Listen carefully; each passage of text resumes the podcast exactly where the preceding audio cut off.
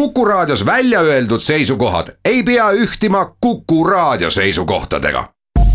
Te kuulate Kuku Raadiot.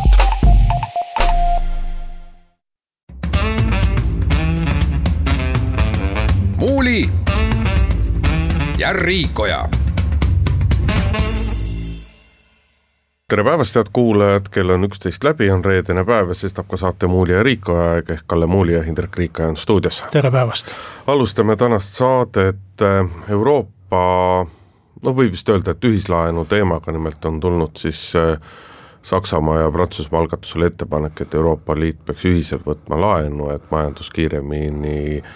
Covid-19 kriisist tingitud majandusraskustest üle aidata. saame veel teise teemana rääkida natukene ka viiruse piirangute lõdvendamisest, äh, mitte enam piirangute seadmisest, aga lõdvendamisest, see äh, Eesti on avamas oma piire esimesest juunist, kinod, teatrid saavad tööle hakata ja saab ka sada inimest vähemalt siseruumis viibida. räägime ka sellest, miks on EKRE maasikakasvatajad pretsedenditu rünnaku alla võtnud. neljandana äh, räägime kooli algusest, nii vara, kool veel ei ole lõppenudki, aga juba on algusega probleeme, viieteistkümnendal augustil siis äh, minister on äh, soovitanud või, või lubanud kooli alast-, alut-, alustada. räägime ka töötuskindlustusest, selle äh, muudatustest, maksumäära või hüvitise määra tõusudest ja tööampsude lubamisest. kui aega jääb, siis veel ka külaliskorteritest, millele Tallinna linnapea tahab seada litsentsinõuded äh, äh, selleks, et siis neid kortereid ka kooskõlastataks või korterite pidamist kooskõlastataks ka naabritega. muuli ja Riikoja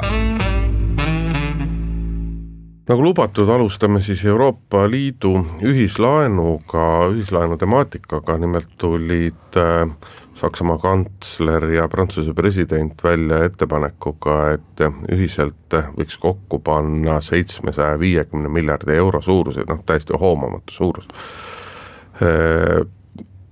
abimeetmete paketi, mida siis äh, osaliselt peaks rahastama laenuna, mida, mida võtavad kõik Euroopa Liidu riigid ühiselt ja osaliselt siis täiendavate uute Euroopa üleste maksudega, räägitud on plastimaksust, räägitud on suurettevõtete maksustamisest, kes siis üle-euroopaliselt tegutsevad, eks seal all silmas peetakse hiide nagu Google, Twitter, Facebook ja nii edasi ja nii edasi. Ja kui me vaatame, noh, Euroopa Liidus endas on reaktsioonid väga eripalgelised, on pooldajaid, on vastaseid ja ka Eestis on need, on need arvamused nii-öelda ilmselgelt seekord ei jookse nii-öelda koalitsiooni-opositsiooni joont pidi, vaid äh, koalitsioonierakondades on erinevaid arvamusi, noh, EKRE on seni kõige teravamalt vastustanud, Keskerakond eesotsas peaminister Jüri Ratasega on pigem olnud toetaval seisukohal ja ja Isamaa on kuskil niimoodi kahe vahel kõikunud, Reformierakonnast mitmed äh, majandusasjatundjad on, on laitnud seda plaani ja ega väga keeruline ongi võtta nagu seisukohta, et siin tuleb mängu see põline jutt sellest, et kas tegemist on Euroopa, äh, Euroopa Liiduga või on tegemist Euroopa Ühendriikidega, ehk see küsimus, milles ka tegelikult Eesti Euroopa õiguse spetsialistid päris üksmeeles, üksmeelel ei ole, et äh, et kas äh, nii-öelda, kas senises vormis ja seniste toimimispõhimõtete järgi Euroopa Liit saab selliseid nii-öelda ühiseid kohustusi võtta, võtta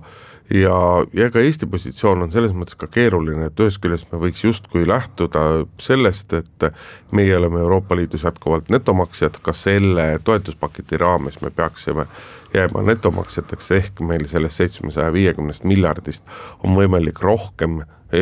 ise vastu saada, kui me sinna raha sisse peaksime panema. et noh, võib sellelt poolelt lähtuda, aga teine küsimus on ikkagi selles äh, nii-öelda suure plaani küsimus, sellepärast et ilmselgelt Eesti netomaksja staatust enam väga kauaks ei ole või,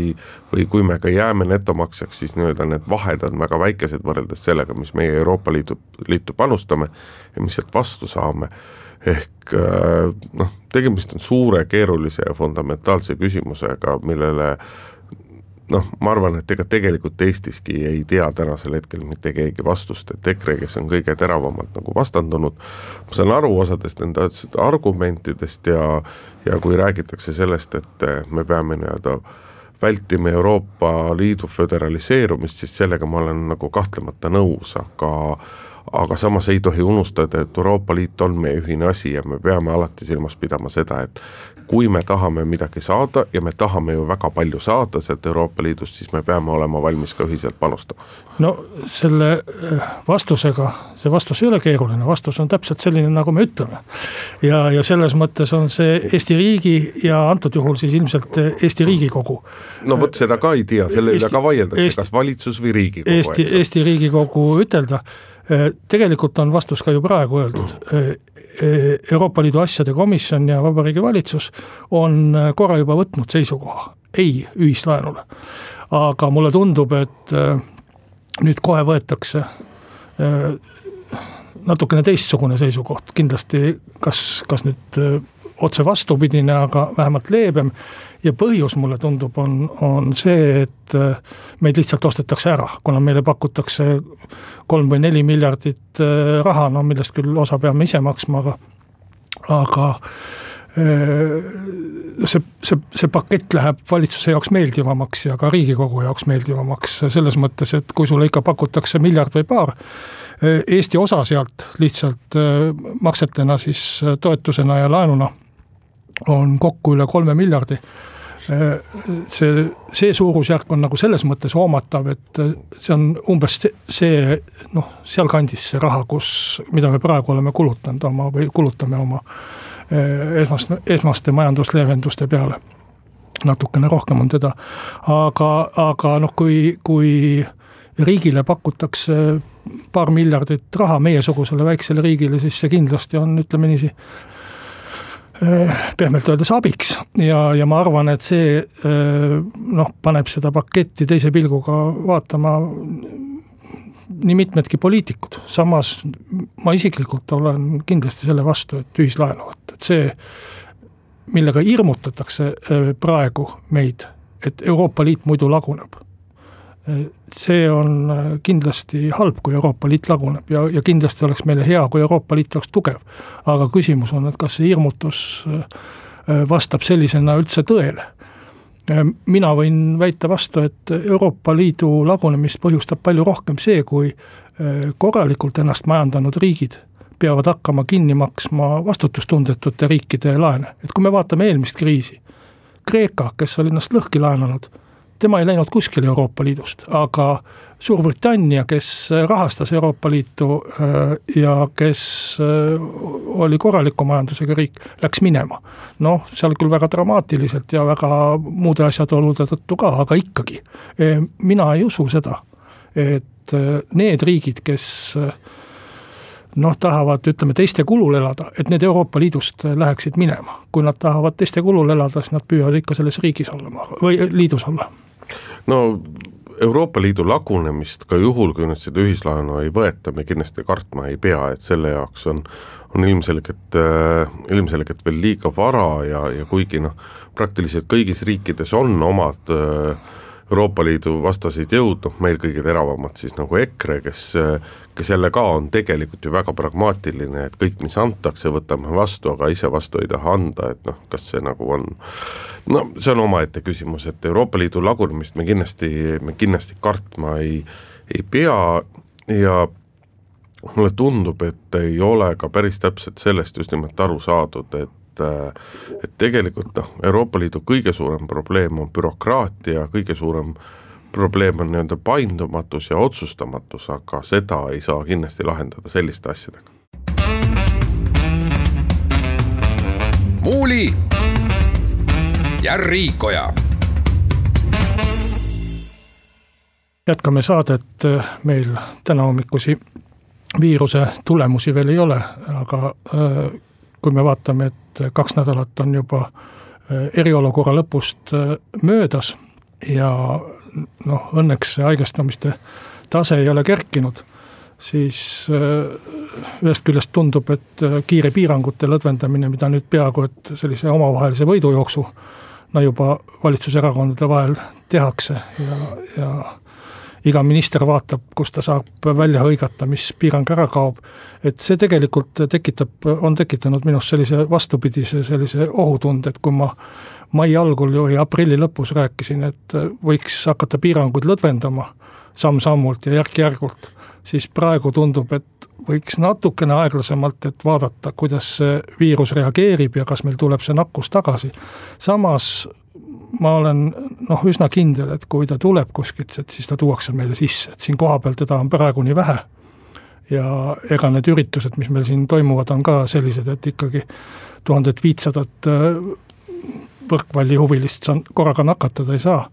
nii et äh, ma arvan, et kui meil kuskilt nakatumishoogu või, või sellist äh, hakkab juurde tulema, siis on see peale esimest juunit nende reisipiirangute lõdvend-, lõdvendamisega, mida Eesti on siis otsustanud teha, kõikidest Schengeni ruumi riikidest võib Eestisse siis reisida ja kuusteist riiki oli vist ka neid, kes saavad olla 17. või seitseteist ilma äh, Äh, karantiinita, kelle kodanikud või kust tulnud inimesed siis saavad siin olla ilma selleta, et nad peaksid äh, istuma neliteist päeva hotellis või kodus. no tahaks tõesti öelda, et tark ei torma, et olengi, olen minagi olnud nende piirangute suhtes üksjagu kriitiline, aga aga praegu tundub jah, et nagu me eelmises saates rääkisime, et siis, kui piiranguid kehtestati, siis ei tahtnud ükski minister nii-öelda iseenda templit sellele alla lüüa, aga nüüd, kui piiranguid kaotatakse ja leevendatakse, nüüd tõesti, eks ole, üks minister hõisk-, hõiskab rohkem ja kõvema häälega kui, kui teine, et seesama või needsamad reisimis, reisimispiirangud, et kui me Euroopa Liidus vaatame laiemalt, siis, siis pigem on ikkagi viisteist juuni see tärmin, mis hetkel hakkavad paljud riigid oma regulatsioone leevendama, kes on juba nagu näiteks Saksamaa on juba sellega välja hõiganud, et viisteist juunis see juhtub, kes alles nii-öelda mõtleb ja arutab. Et äh, millest nüüd järsku ja ma julgeksin öelda, et järsku tekkis välisministril nagu selline rutt nende reisipiirangutega kaotamisega, et see see, see jääb nagu segaseks ja see jääb nagu arusaamatuks, sest et siin on noh, kõik see kõlab ju nagu jube hästi, et äh, seitseteist äh, riiki on need, kust nii-öelda võib siis sisuliselt nagu vabalt tulla-minna, siis on ports riike, kelle puhul kehtib ikka, jääb ikkagi kehtima see kahenädalase karantiini nõue, aga no lihtne küsimus, et kuidas tagatakse see kontroll, kuidas tagatakse see turvalisuse ja, ja riigile see teadmine, et inimesed, kes näiteks sõidavad üle, tulevad äh, Eestisse Läti poolt, et nad ei ole tulnud mõnest nendest riigist, kus on kahe nädala, kahe nädala, kahenädalase karantiini nõue nagu kehtiv, et selles mõttes äh, kui sa kehtestad nagu mingisugust regulatsiooni ja mingeid piiranguid, siis peab olema peab olemas olema väga selge nagu kontrollimehhanism, kuidas sa seda kontrollid, aga aga see jääb pehmelt öeldes nii-öelda nagu segaseks. no see, see kontroll peab olema ka siis, kui viisteist juunis äh, me mm. lahti teeks, et see ei puuduta ei, nagu seda täht, tähtaega, aga äh, noh, iseenesest see, et me teeme natukene varem kui keegi teine lahti, see on äh, suure sellise propagandistliku väärtusega, vaata siis, kui Eesti, Läti ja Leedu tegid ühise nii-öelda Euroopa Liidu pärast pikka aega, kui kõik piirid olid kinni olnud, siis käidi ka see välja võib-olla, et noh, teistele natukene ärritaval moel, kolm äh, välisministrit siis kogunesid, Riias oli see vist jah, ja, ja, ja näitasid, et nad on koos ja, ja teatasid, et meil on siin piirid lahti ja kõik on tore. et see on tegelikult äh, nagu oluline ja nüüd uuesti, et Eesti on üks esimesi, kes teeb lahti, oluline Euroopa Liidu äh, kodanikele ja riikidele teadvustamaks, et siin üldse on lahti, et muidu me ei pääseks nagu pildile, kui kõik teeksid korraga. ja, ja et siia saab tulla ja et siia, siia oodatakse turiste ja et siin on viiruse tase madal, et, et see turvatunne oleks ja nii edasi. et, et selles mõttes nagu maine mõttes on ta kindlasti nagu hea käik. teine asi on see, et kui mul, kui ma mõtlen selle karantiini peale, millest räägitakse, need, kes peavad olema karantiinis, kõik ei pea, siis tegelikult noh, mulle nendest juttudest tundub, et see karantiin on ka selline moe pärast, et, et sellele vaadatakse läbi sõrmude, et me ütleme talle lennujaamas, et sa pead olema karantiinis, aga, aga keegi ei kontrolli, keegi ei tea ja, ja lõpuks avastatakse, et toimub kuskil ühiselamus mingi jooming, eks ju, kus see ei, ära, kar karantiinitegelane osaleb. ära sa nii ütle, et äh, mul on endal mitmed inimesed, kes äh, kellest keegi küll ei olnud haige, aga kes karantiinis pidid olema, rääkinud seda, et kuidas politsei väga kohusetundlikult helistab, uurib, räägib inimestega. ja siis, kui neid vähe oli, aga kui lennukite kaupa hakkab tulema, on hoopis teine lugu. noh, ütleme niimoodi, et eks seal politseil natukene nagu tööjõudu siiski nagu on, et, et, et kõik see toimub peamiselt nii-öelda nagu helistades ja rääkides, et keegi ei hakka kohale minema, et selles mõttes ma ei kahtle, et selle samaga jätkatakse isegi olulisem sõnum tegelikult sellest nädalast oli peaminister Jüri Rataselt, kes ütles, et kui peaks uus viiruselaine tulema, et siis ei panda lukku mitte riiki, vaid pannakse lukku viirus. ja see annab nagu see annab nagu palju selgema orientiiri selle kohta, et mis meil tulevikus nagu juhtuma hakkab, kui meil peaks uus nii-öelda Covidi teine laine tulema, noh annaks jumal, et seda teist lainet ei tule või vähemalt massilist teist lainet ei, ei tule et siis hakatakse nagu väga selgelt vaatama seda, et kus see viirus levib, kuidas see viirus levib ja nii-öelda rohkem rätsepatööga asjale lähenema ja see on, see on kahtlemata väga mõistlik ja ma usun, et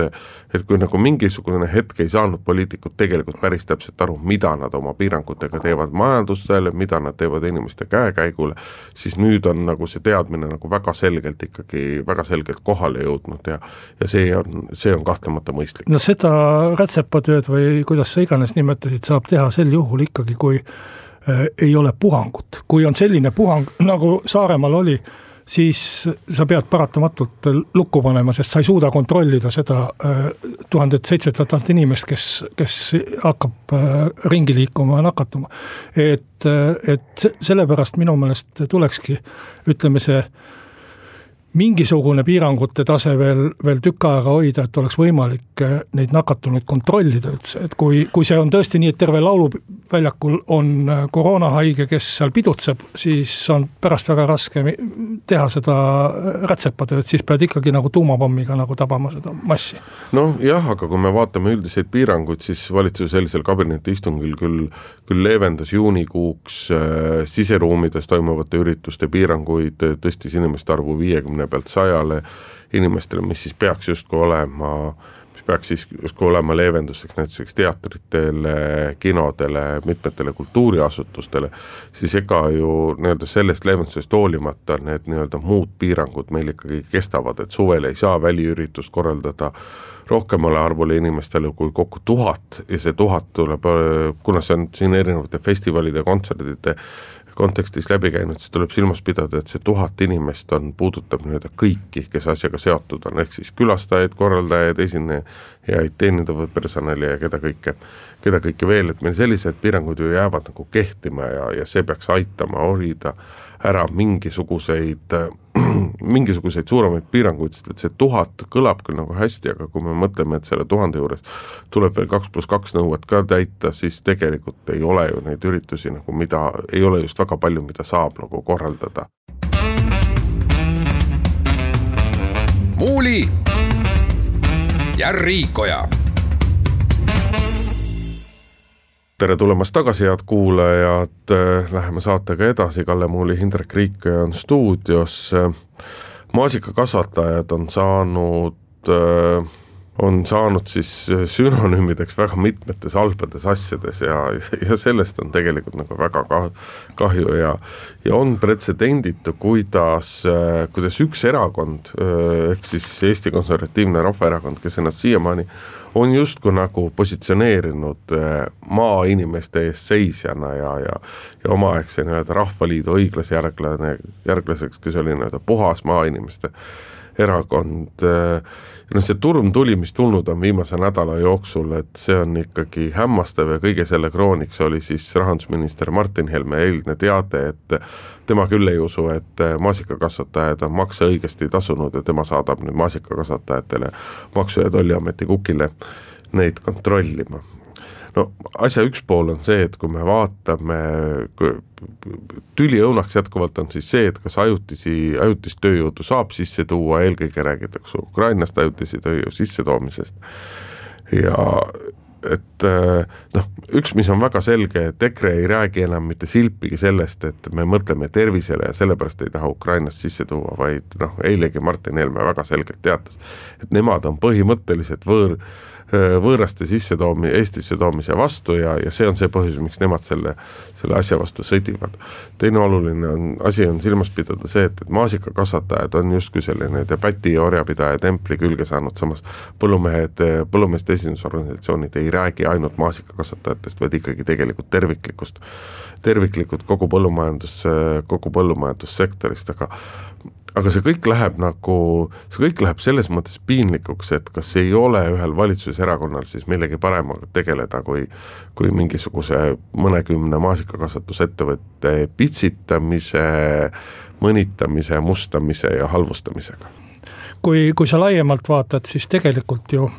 ega see võõrtööliste teema kerkis ajal, kui äh, kindlasti ka nende toomine oli tervislikel põhjustel ohtlik ja, ja ta ju valitsuse poolt ei kerkinud seoses maasikakasvatusega, vaid ta kerkis üldse jaa, aga EKRE-le, aga, EKRE ei ole selles kontekstis a, mitte kunagi aga, mõelnud tervisekaalutlustele, vaid ikkagi ainult oma põhimõttelistele nii-öelda vaenavatele seisukohtadele. et äh, noh, EKRE-ga üksi ei saa neid piiranguid kehtestada, et sellepärast tegelikult äh, see Ukraina seal äh, no ei tea, valitsused, ministrid küll ütlevad, et käib ikkagi vorst vorsti vastu kauplemine ja no, EKRE on kinnitanud, et Mart Helme on kinnitanud, et isegi, nemad on kõige jämedama vorsti saanud. isegi kui sa seda vorsti juttu usud, isegi, isegi sel juhul see näitab ju, et üksi ei saa. et kuskilt peab seda vorsti saama kellegi käest.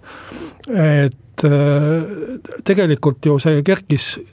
tervikuna võõrtööliste suhtes ja mitte ainult Ukraina, vaid kõikide kolmandate riikide ja, ja mitte maasikakasvatajate, vaid kõikide suhtes. et see maasikakasvatus on nüüd siis noh, ilmselt tööde pakilisuse tõttu ühest küljest ja teisest küljest ka võib-olla nende kasvatajate enda aktiivsuse tõttu tõstetud siis ühe tegelikult üsna noh, oma olemuselt on ta ju väike, väike teema majanduse kontekstis, on, on ta tõstetud sellisesse fookusesse. ka, ka võõrtööliste kontekstis on ta suhteliselt väike. nii palju, kui ma õieti neid numbreid mäletan, siis umbes tuhat viissada inimest vist käib neid maasikaid korjamas, aga võõr... ei, tuhat viissada on see kokku, see nii-öelda põllumajanduse võõrtööjõu vajadus okay.. no seda enam veel, eks ju, et, et võõrtöölisi endid nendest riikidest, millest me siin räägime, on ju umbes kakskümmend tuhat olnud ja üle eelmistel aastatel. nii et äh, ma ei ütle, et sellepärast, et inimesi on vaja vähe sinna maasikapõllule võrreldes teiste valdkondadega, on see ebatähtis probleem, loomulikult kui sul majandus hävib ja, ja su ettevõte hävib, et siis see on valus kõigile, sõltumata tegevusalast. aga ta meediakajastuse mõttes on sellise ebaproportsionaalse tähelepanu saanud, sellepärast et see on selline lihtne teema ja selge konflikt. Et äh, ma arvan, et meil on teisi ja, ja palju suuremaid valdkondi, kus see probleem on täpselt samasugune või suurem isegi. noh, ehitusele sa pead, pead võib-olla mingi spetsialisti tooma, maasika korjamine on lihtsalt füüsiliselt raske töö, et seda, et, et ma arvan, et noh, võiks siis vaadata ka teisi valdkondi ja rääkida ka natukene majandusest laiemalt, et mis seisab meil selle taga, et me neid võõrtöölisi tuua ei saa et see on üks probleem, aga noh, mis makse puudutab, siis selle kohta ma ütlen küll täiesti rahulikult äh, Eesti vanasõnaga, et õige hõlma ei hakka keegi.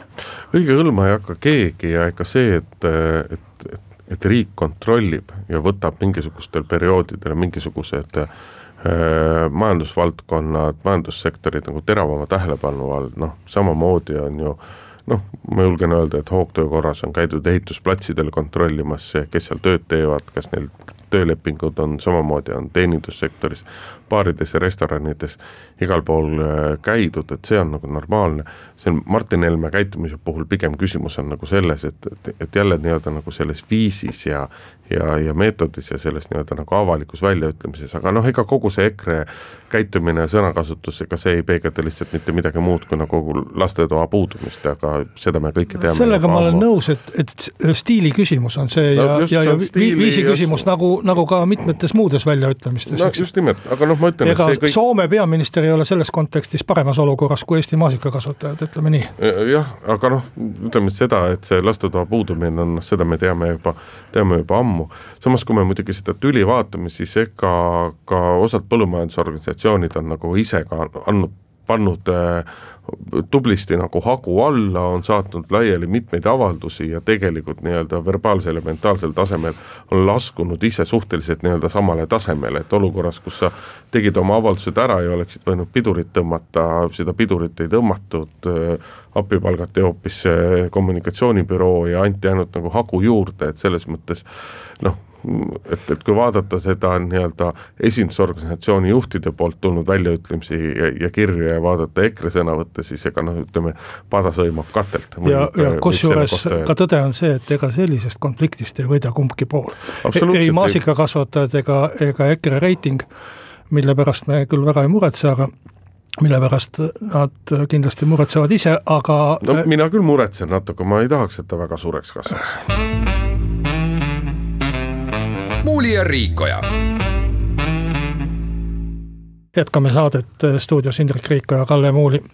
räägime siis äh, kooli algusest veel enne, kui ta lõpeb. täna on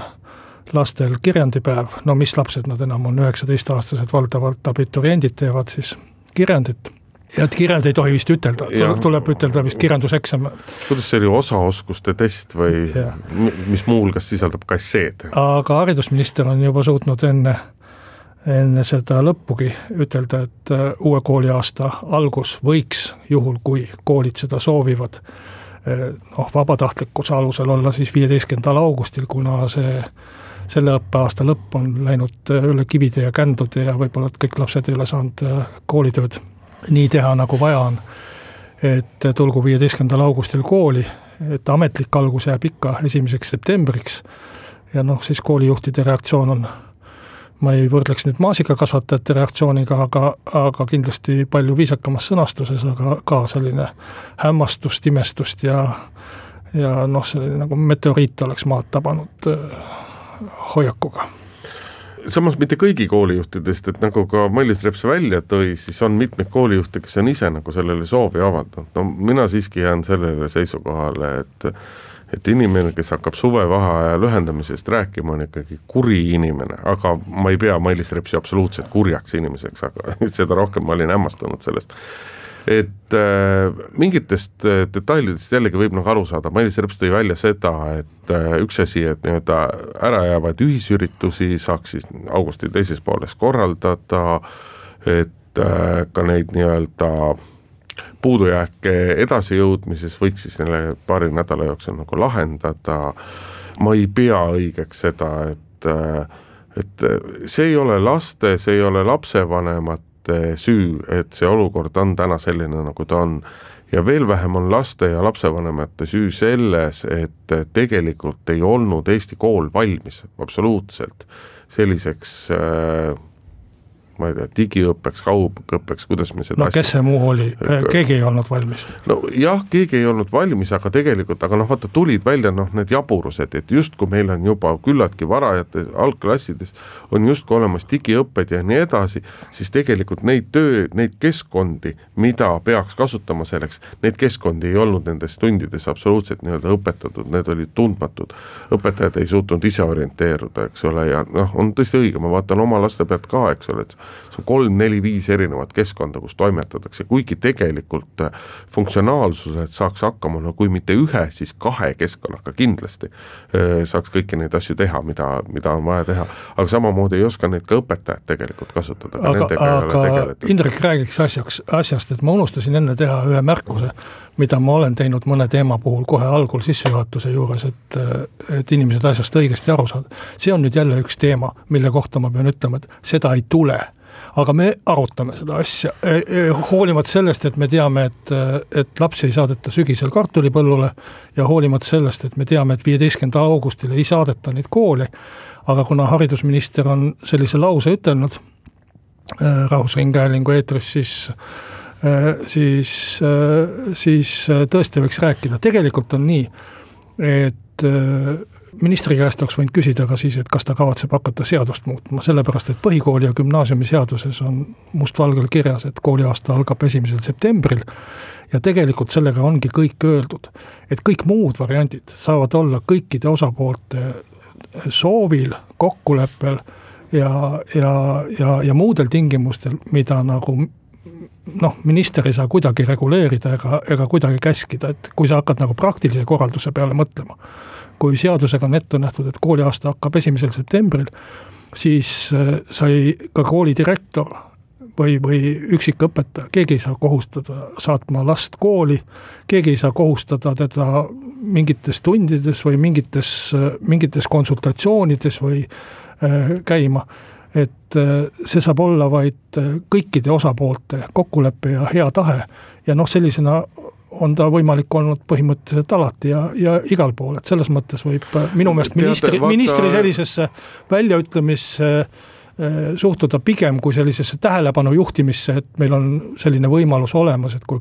kõik, kõik asjaosalised väga tahavad, et siis nad võivad seda teha. aga seda kindlasti ei peaks ei lapsevanemad, kool ega keegi teine võtma sellisena, et no nüüd meil ongi kohustus viieteistkümnendal augustil pihta hakata. tead, ega sellest kokkuleppest ei pruugi ka tingimata kasu olla, lihtsalt mäletan noh, circa viieteistkümne aasta tagant äh, ühte juhust, kui näiteks vanalinna hariduskolleegium tahtis ka mõned päevad varem, varem alustada ja neile tuli väga selge ettekirjutus lähtus sellest, et nad võivad ju tahta ja võivad ju kokku leppida ja, ja õpilased võivad nõus olla, aga nad ei tohi seda teha, et selles mõttes on see keerulisem detail. aga väike paus ja siis läheme saatega edasi.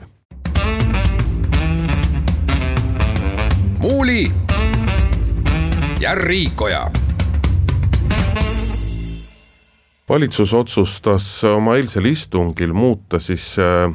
töötusega seonduvaid erinevaid detaile, mis siis puudutavad töötu abiraha suurust, mis kasvab, mis puudutab töötuskindlustuse suurust ja mis toob ka nii-öelda muudab lubatavaks sellised asjad nagu tööampsud, ehk lihtsamalt öeldes tähendab see siis seda, et, et olukorras, kus sa oled töötuna registreeritud, saad kas siis abiraha, saad töötuskindlustushüvitist või, või mida iganes, sul on võimalik ühes kuus kuni viis päeva töötada ja selle ja selle eest saada siis kuni nelikümmend protsenti miinimumpalgast, mis praegu on noh, väga jämedalt öeldes kaks poolsada eurot ehk raha nagu raha nagu väga ei ole. ühest küljest ma saan sotsiaalminister Tanel Kiige selgitustest väga hästi aru, et et see, et selle tööampsu tasu ei tohi olla selline, mis oleks suurem sellest, kui inimene nii-öelda täiskohaga sellist tööd teeks. aga teisest küljest noh, muidugi kaks poolsada eurot on ausalt öeldes ikka noh, tegelikult ju praktikas nagu väga, väga väike summa, aga olemuslikult on, on väga õige, et aastaid räägitud probleemiga tegelikult nii-öelda nagu liigutakse edasi ja ega me ka näiteks äh, äh, töötu abiraha tõusu puhul pisut vähem kui kolmesaja euroni praeguse seisuga, noh ega me ei saa rääkida sellest, et see oleks nii-öelda, see oleks summa, mis ei motiveeriks inimesi tööle minema. ma arvan, et äh, võib-olla noh, ütleme nendest ampsudest veelgi tähtsam muudatus on see, et sa võid käia vahepeal hooajatööl. et seesama maasikakasvatus või mis iganes kasvatus, mis vajab hooajatöölisi, kui praegu läheks enne seda seadusemuudatust, läheks äh,, läheks inimene sinna põllule, töötaks kuu aega siis ta kaotab oma töötuskindlustuse hüvitise, juhul kui ta töötu on. ja, ja tagasi pöördudes sealt põllult, ta, ta seda enam ei saa ja, ja ta peaks siis noh, leidma endale töö või, või mis iganes, et, et sellega, et minna kuuks ajaks hooajatööle, ta tegelikult katkest- või lõpetab endal töötuskindlustuse hüvitise ära ja pärast seda talle sellel tasemel seda enam ei maksta. et nüüd on siis võimalus teha äh, nii-öelda edasi lükata, et kui sa hooajatööd teed lõpeb see hooajatöö sul ära, siis jätkub ka töötuskindlustuse hüvitise maksmine sellest kohast, kust ta pooleli jääb. et ma arvan, et see on tegelikult väga mõistlik ja see, see noh, oleks see varem tehtud, see kindlasti oleks andnud maale tööjõudu juurde, sest see töötuskindlustuse huvit-, hüvitis võib olla paljudel inimestel samas suurusjärgus, kui see hooajatöö talle annab. ja täiesti mõttetu on seda ära lõpetada, sellepärast et minna siis sinna kümme tundi päevas selg haige maasikaid korjama. Aga, aga selle mõttega, et ma tegelikult saan endale kuu või kaks raha juurde et selle mõttega on ta täitsa, täitsa arvestatav ja, ja, ja oluline asi, ma, ma usun, et see tekitab noh, see kõlab halvasti, sõna turuvarblane, aga see tekitab meil neid turuvarblasi juurde ja, ja antud juhul ma mõtlen seda heas mõttes, et inimesed, kes saavad ka noh, põhitöö puudumisel või või töökoha puudumisel siiski kuu või kaks suvel kuskil põllumajanduses tööd teha. no oluline on lihtsalt see, et tulevikus kõik hüvitise määrad ja asjad käiksid ajaga kaasas, mitte et meil nüüd tehakse need muudatused ära ja siis nad jäävad kümneks aastaks sinnasamma seisma. muuli ja Riikoja. jätkame saadet, Tallinna linnapea Mihhail Kõlvart on sattunud avalikkuse tähelepanu alla kui turistide kimbutaja, nii vist teda juba kuskil uudistes on nimetatud, sellega, et äh, ta on tahtnud reguleerida äh, külaliskorterite loomist või, või kasutamist siis ettevõtetena, kes vajavad litsentsi, linna luba. Ja selle loa üheks tingimuseks oleks siis ka see, et selle korteri pidajal kuhu siis tulevad turistid, kes üsna sageli vahetuvad, et sellel oleks ka äh, korteriühistu, juhul kui see korter on ühistus, korteriühistu kahe kolmandiku äh, osalejate nõusolek, äh, et seda külaliskorteris siis tehakse nende majja. et noh, selline piirang, mis on tekitanud minu meelest täiesti arusaamatult suure pahameeletormi, ma arvan, et see on, peaks olema elementaarne, et kui sa rajad elu, elumajja ettevõtte, mis äh, segab või häirib naabrit või võib segada või häirida naabrit. no kui sa teed sinna autoremondi töökoha või, või ma ei tea, helisalvestusstuudio, kus väga kõvasti kitarri mängitakse iga päev. et siis sa peaksid nagu naabritega arvestama ja naabrite käest ka luba selleks küsima, et ta tegelikult on ju mõeldud elamiseks, see korter, mitte ettevõtluseks noh, see, mida inimene oma korteriga teeb, on ikkagi meie seadusandluse kohaselt suhteliselt nii-öelda tema nagu enda asi. kuni selle piirini, et ta ei segaks teisi. noh, et ta ei segaks teisi, aga kui me samas mõtleme, siis nii-öelda noh, nagu me ei ole avalikult kuulnud väga suuri probleeme sellest, et meil oleks massiliselt probleeme sellega, et külaliskorterites käib lakkamatu pidutsemine ja kõik nii edasi, kindlasti neid juhtumeid on. Et äh, tegelikult nagu natuke jääb praegusel hetkel arusaamatuks, et kust Kõlvartil see idee tuli praegu ja miks ta tuli, kui me vaatame Euroopas ringi, siis see ei ole ju tegelikult nii-öelda tavatu asi. aga reeglina on need piirangud olnud tingitud kõik sellest, et et äh, noh, peamiselt siis Airbnb vahendusel jagatavad korterid, et nad on väga selgelt hakanud mõjutama selle linna kinnisvaraturgu nii ostmise, müümise mõttes, aga veel rohkem üürimise mõttes, ehk äh, Airbnb-ga on aetud nii-öelda üürihinnad nii kõrgele, et kohalikud enam, inimesed enam ei jaksa endale kortereid, kortereid üürida pikaajaliselt siis üürida. aga Eestis ei ole ka kuulda olnud, et meil seda probleemi oleks, et selles mõttes ma, ma pakun kui meil on turvalisi, kui meil on turvalisuse küsimusi, siis esimesena muidugi peaks võitlema olemasolevate seaduste raamides. ja kui siis hakkama ei saada, siis hakkame nii-öelda järgmiseid samme astuma. aga noh, vot see on üldine küsimus sellest, et mis asi on jagamismajandus, palju me seda nagu viljeleme ja kui palju me nagu seda riigi poolt Indrek, ma pakun ühe, ühe öö, oletuse, miks seda praegu tehakse, on selles, et praegu sisuliselt ei ole ühtegi külaliskorterit olemas, et kõik on nullis. seda ei kasutata ja tegelikult on nad läinud